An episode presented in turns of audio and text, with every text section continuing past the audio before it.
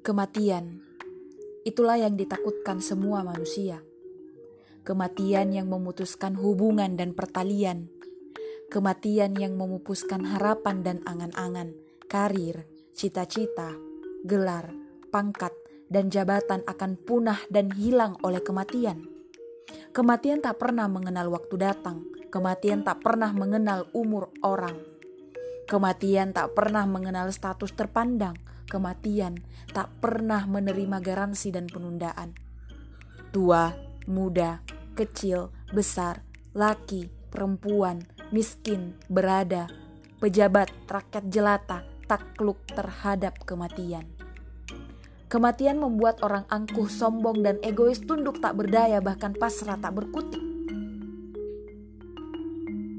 Imam Hasan Basri mengatakan, kalau bukan karena tiga perkara, manusia enggan menundukkan kepalanya atau enggan rendah hati. Apa tiga perkara itu? Satu, sakit. Kedua, miskin. Dan yang ketiga adalah mati. Semoga Allah memberikan kita kesempatan untuk taubatan nasuha sebelum datangnya kematian.